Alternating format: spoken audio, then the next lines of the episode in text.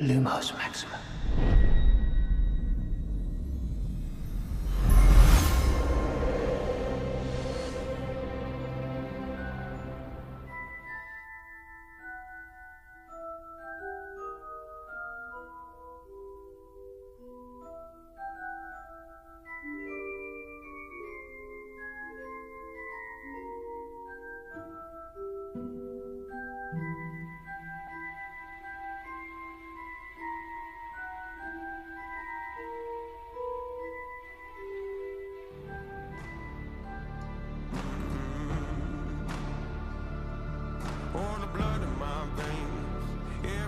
sharing the pain. What I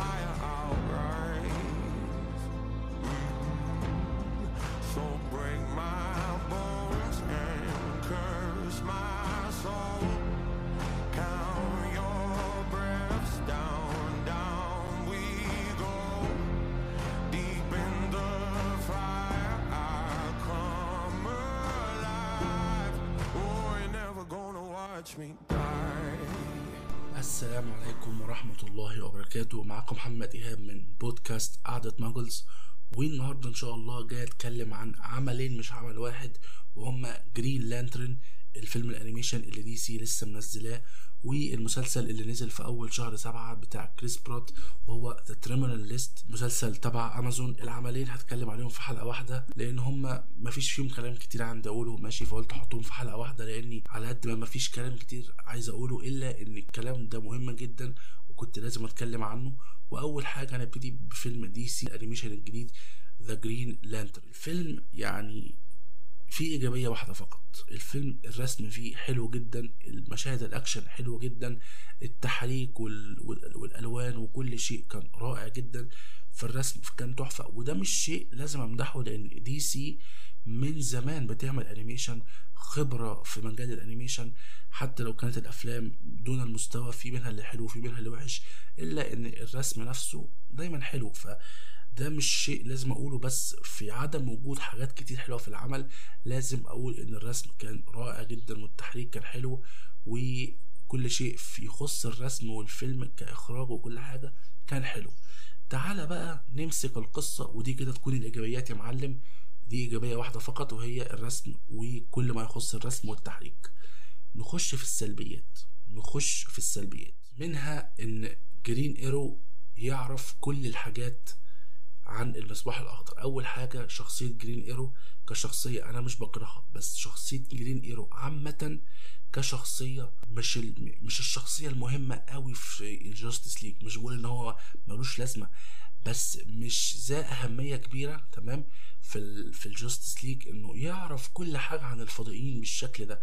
ده يعني بالنسبة لي بالنسبة لي أنا كان بدل Green Arrow كان المفروض يبقى موجود The Flash أو البارق أو بيري ألن. ده كان لازم يكون موجود لأن من معرفتي لل comics وال animation وأعمال كتير جدا تخص DC هال جوردن وبيري ألن هم أصدقاء جدا.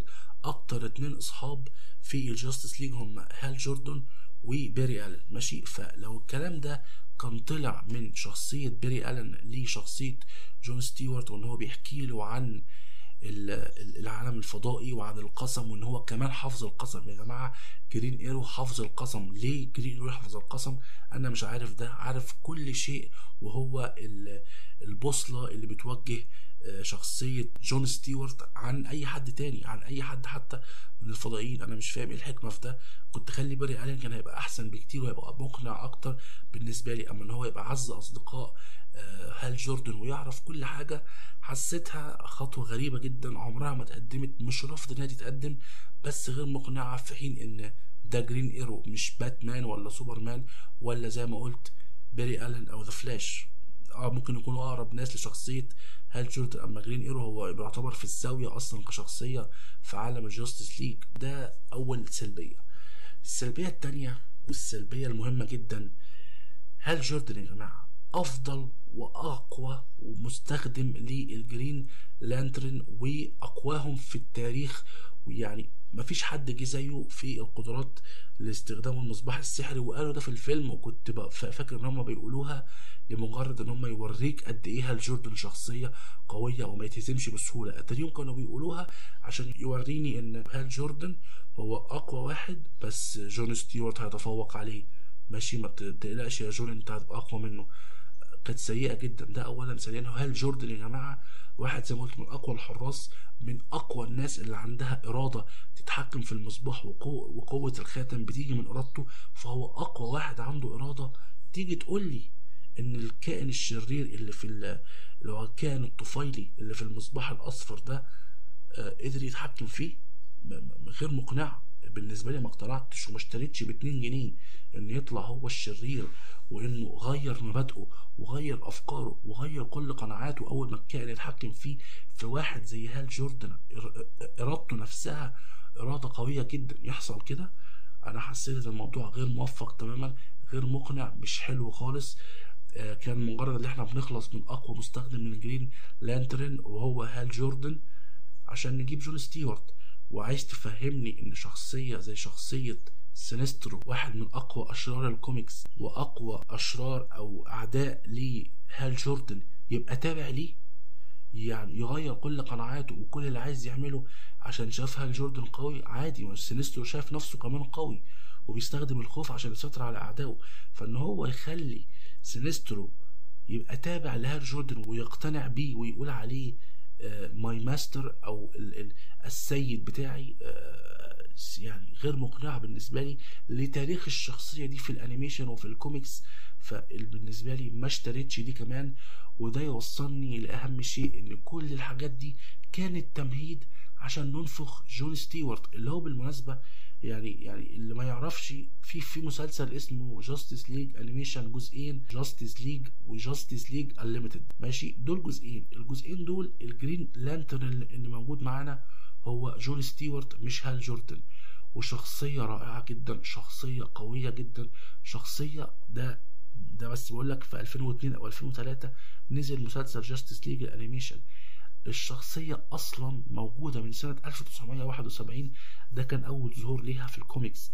يعني شخصية معايا من زمان شخصية ظهرت في, في وقت أي حد صاحب بشرة سمراء كان بيبقى مكروه في, في بشكل كبير عند بعض الناس. أنا لا أقصد, لا أقصد أي شيء بس هم كان عندهم الجرأة إن هم يقدموا شخصية قوية ورائعة. كتابة زي شخصية جون ستيوارت سنة 1971 فإن أنت تبقى عندك شخصية زي دي وتاريخ زي ده وتيجي في الآخر تستغلها لي عشان تبقى مؤيدة لأجندة ما مش محتاج صدقني أنت مش محتاج تبقى حاجة زي دي. مش محتاج تعمل حاجة زي دي في شخصية زي شخصية جون ستيوارت. وهي شخصية قوية ومسلسل Justice League و Justice League Unlimited يقدر يوريك قد إيه الشخصية دي فخمة وقد إيه قوية وقد إيه مش إمعة مش بيمشي ورا حد قد إيه عنده قرارات بياخدها بنفسه قد إيه. أعتقد هو يعتبر تاني أقوى مستخدم للمصباح الأخضر آه، من المستخدمين كلهم.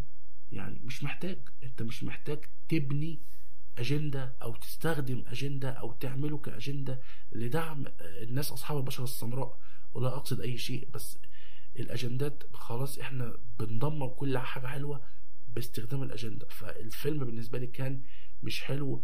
العالم اللي بدأته دي سي كعالم animation يعني بعيدا عن العالم ال live action اللي عاملاه اللي متدمر تماما من فيلم Flashpoint Paradox وفيلم Justice League War لحد آخر فيلم اللي هو Justice League Dark Apokolips War ده كان أفضل الأعمال أو أفضل الع... العوالم اللي عملتها دي سي كعالم ال animation وبعد كده جه فلاش وغير الزمن. ورجع بالزمن وخدنا عالم سيء جدا. رجعنا برضو للأعمال العشوائية اللي بنحاول نحلب باتمان بكل ما أوتينا من قوة بكل ما عندنا ماشي؟ ونحط بعض الأفلام لفلاش لسوبرمان ل مش عارف كات وومن كات وومن أعمل إيه؟ بكات وومن آه بحب سيلينا كايل بس ليه تعمل لها فيلم يعني؟ ليه؟ ليه؟ مش فاهم حطها مع باتمان وخلاص. لا نعمل لها فيلم لوحده وفيلم أنمي. مش فاهم بصراحة. وفي فيلم الباتمان هينزل. يعني من ساعة ما فلاش رجع في الزمن في الفيلم الأخير وحاسس إن إحنا ما فيش جديد بنقدمه ما عندناش حاجة جديدة نقدمها. دي سي بتدعم الأجندات فقط لا غير. فالفيلم كان سيء جدا بالنسبة لي على مستوى القصة كان سيء جدا دمر كل حاجة بحبها. فده رأيي في فيلم The Green Lantern الجديد. ما أعتقدش في حاجة تانية ممكن أقولها عنه. هو فيلم مجرد يعني توصل في الآخر الفيلم إن دي أجندة كبيرة فقط لدعم أصحاب البشره السمراء فقط. وهو زي بقول لك أنت مش محتاج تعمل كده لأن شخصيتك أفضل من كده بكتير وأفضل من إن هي تتحط عشان تبقى أجندة. بس يعني للأسف. نخش بقى نخش في مسلسل The Terminal List المسلسل بتاع كريس برات. المسلسل اللي أنا كنت مستنيه جدا جدا جدا من ساعة ما عرفت إن كريس برات هيعمل مسلسل تاني مع أمازون. بعد الفيلم اللي عمله السنة اللي فاتت بتاع Tomorrow War أعتقد مش فاكر أنا بتذكر الفيلم بتاع اللي بيسافر للمستقبل كان فيلم برضه حلو جدا بالنسبة لي وفيلم اتظلم ما خدش حقه بس فيلم حلو جدا. بعد كده عرفت إن هو هيعمل مسلسل مع امازون ف okay واضح إن هي متاخدة من الرواية فواضح إن الرواية ناجحة فده هيبقى شيء حلو. ف وأنا بصراحة بثق في امازون برايم كمان لما تعرف طبيعة الشخصية إن كريس برات هيبقى عامل دور شخص جد وشخص كان في الجيش وكريس برات في الأساس بيبقى ممثل كوميدي وفي بعض الأعمال الشخصية بتاعته بيكون عندها الطابع الكوميدي فكل ده كان يشوقك للعمل. فلما جيت شفت العمل ماشي حبيته شوية وكرهته شوية ماشي ما كانش وحش بس في حاجات كتير آه يعني متوقعتهاش وحاجات كتير آه برضو حسيت إن هي في الآخر بقت إضافة فقط لشيء ما انت عايز تعمله. فخلينا نتكلم عن المسلسل ونتكلم طبعا عن الإيجابيات. ماشي؟ أول حاجة كريس برات. كريس برات يا جماعة زي ما قلت عامل دور مختلف تماما عن اللي هو بيعمله حتى عن دوره في فيلم Tomorrow War أو حرب الغد. بس الفيلم التاني كان فيه بعض الكوميديا بيبقى فيه بعض كان فيه شخصيات comic relief موجودة بتحاول تبقى موجودة فقط عشان تعمل كوميديا. ففي المسلسل ده مفيش الموضوع ده خالص.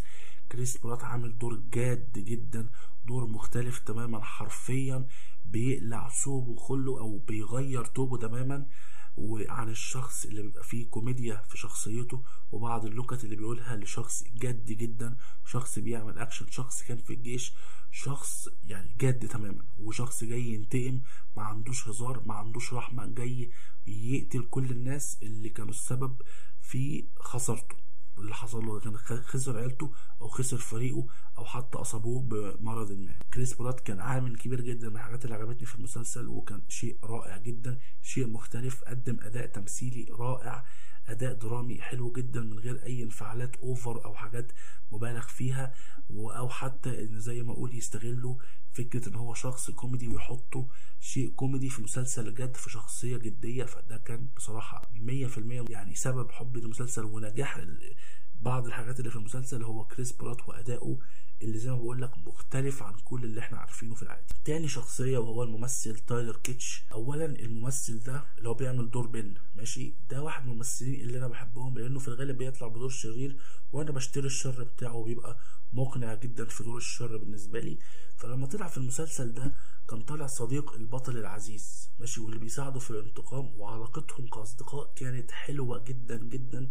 وأنا بحب فكرة لو في حد بينتقم أو عايز يعمل حاجة فيكون عنده مثلا أخ أو صديق عارف مخاطر الموضوع وعارف ده ممكن يوديهم لإيه بس هو واقف مع صاحبه أو صديقه مش هيسيبه ابدا معاه زي ما بيقولوا أنا معاك في على الحلوة والمرة وهساعدك وه... يعني اللي أنت هتعمله أنا معاك فيه. أنا بحب نوعية الأصدقاء دي أو الأخوة أو نوعية العلاقات دي بحبها جدا جدا جدا. فكان شيء حلو. اشتريته جدا وزي ما بقول إنه شيء مختلف البطل عمله أو الممثل ده عمله انه هو عمل حاجة مختلفة انه يبقى مش شرير بس. طبعا هتكلم عن شيء ما في الآخر بس في المجمل البطل التاني أو تايلور كيتش كان من الحاجات اللي عجبتني جدا في المسلسل.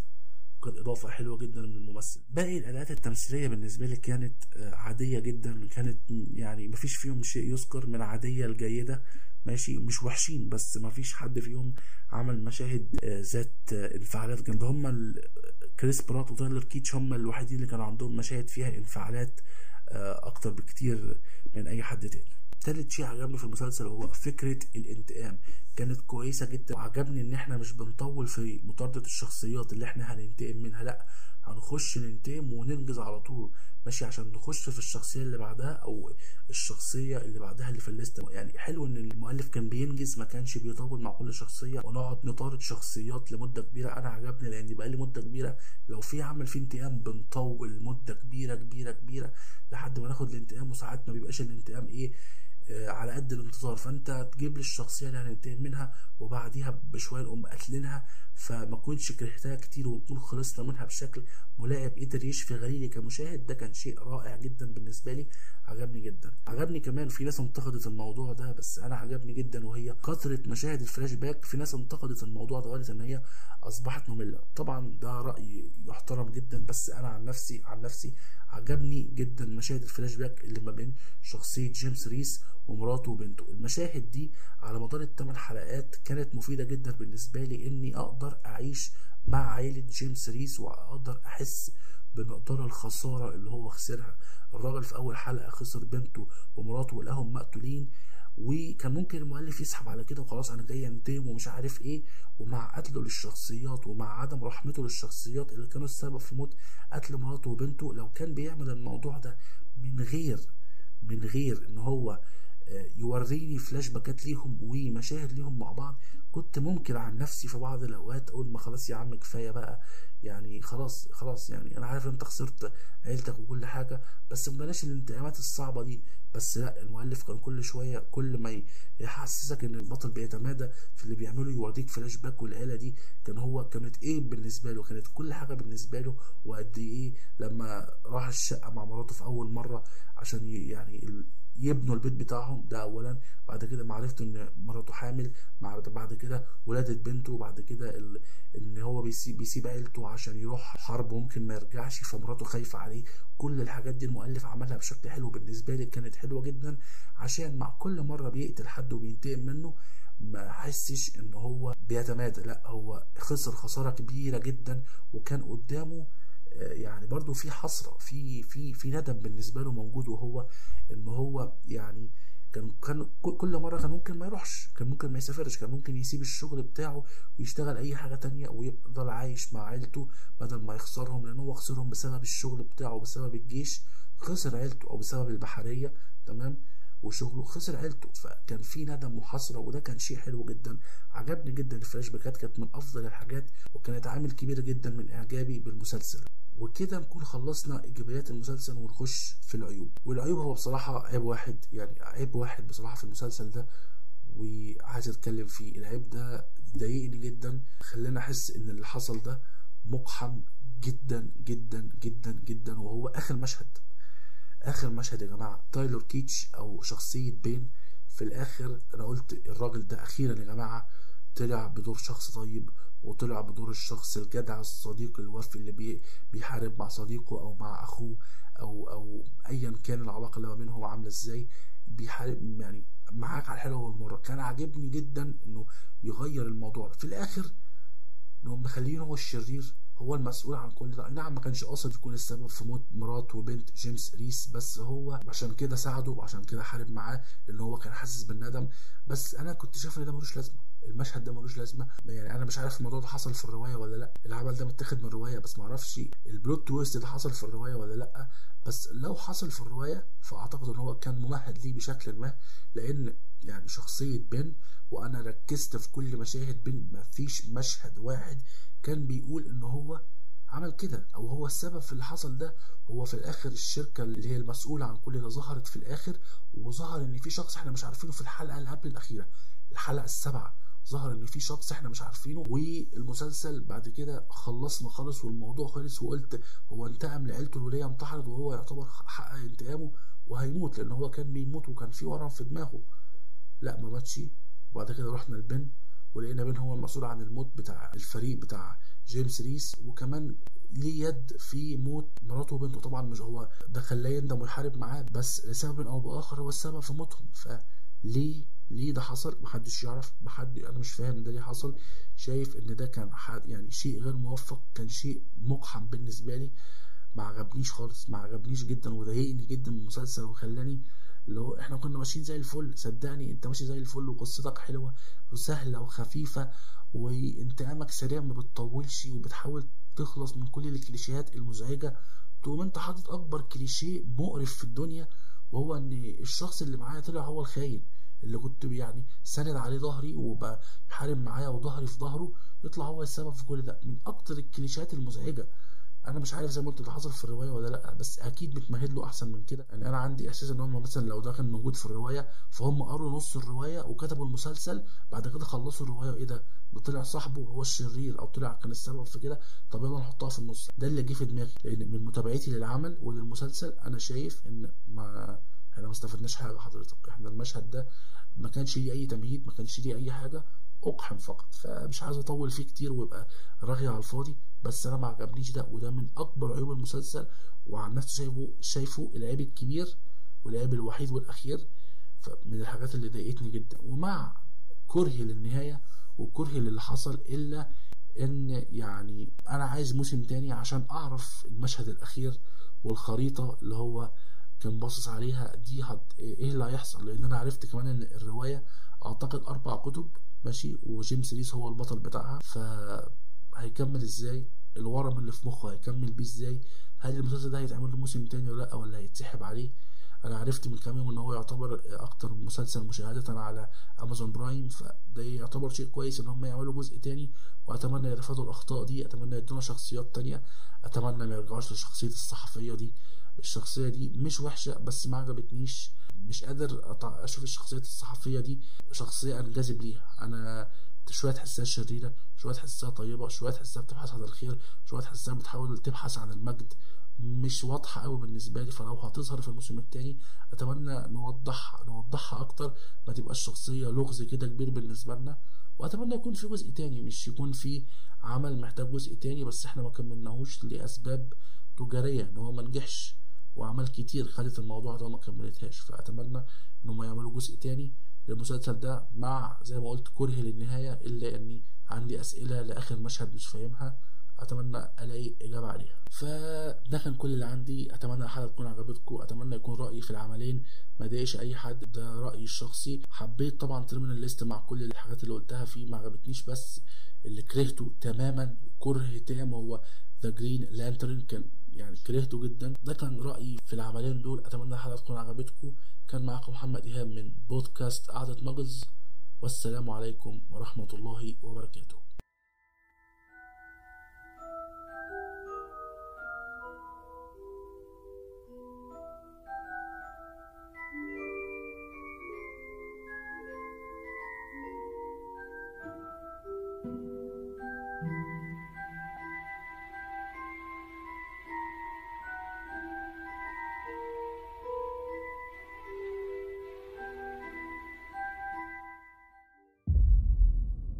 most maximum.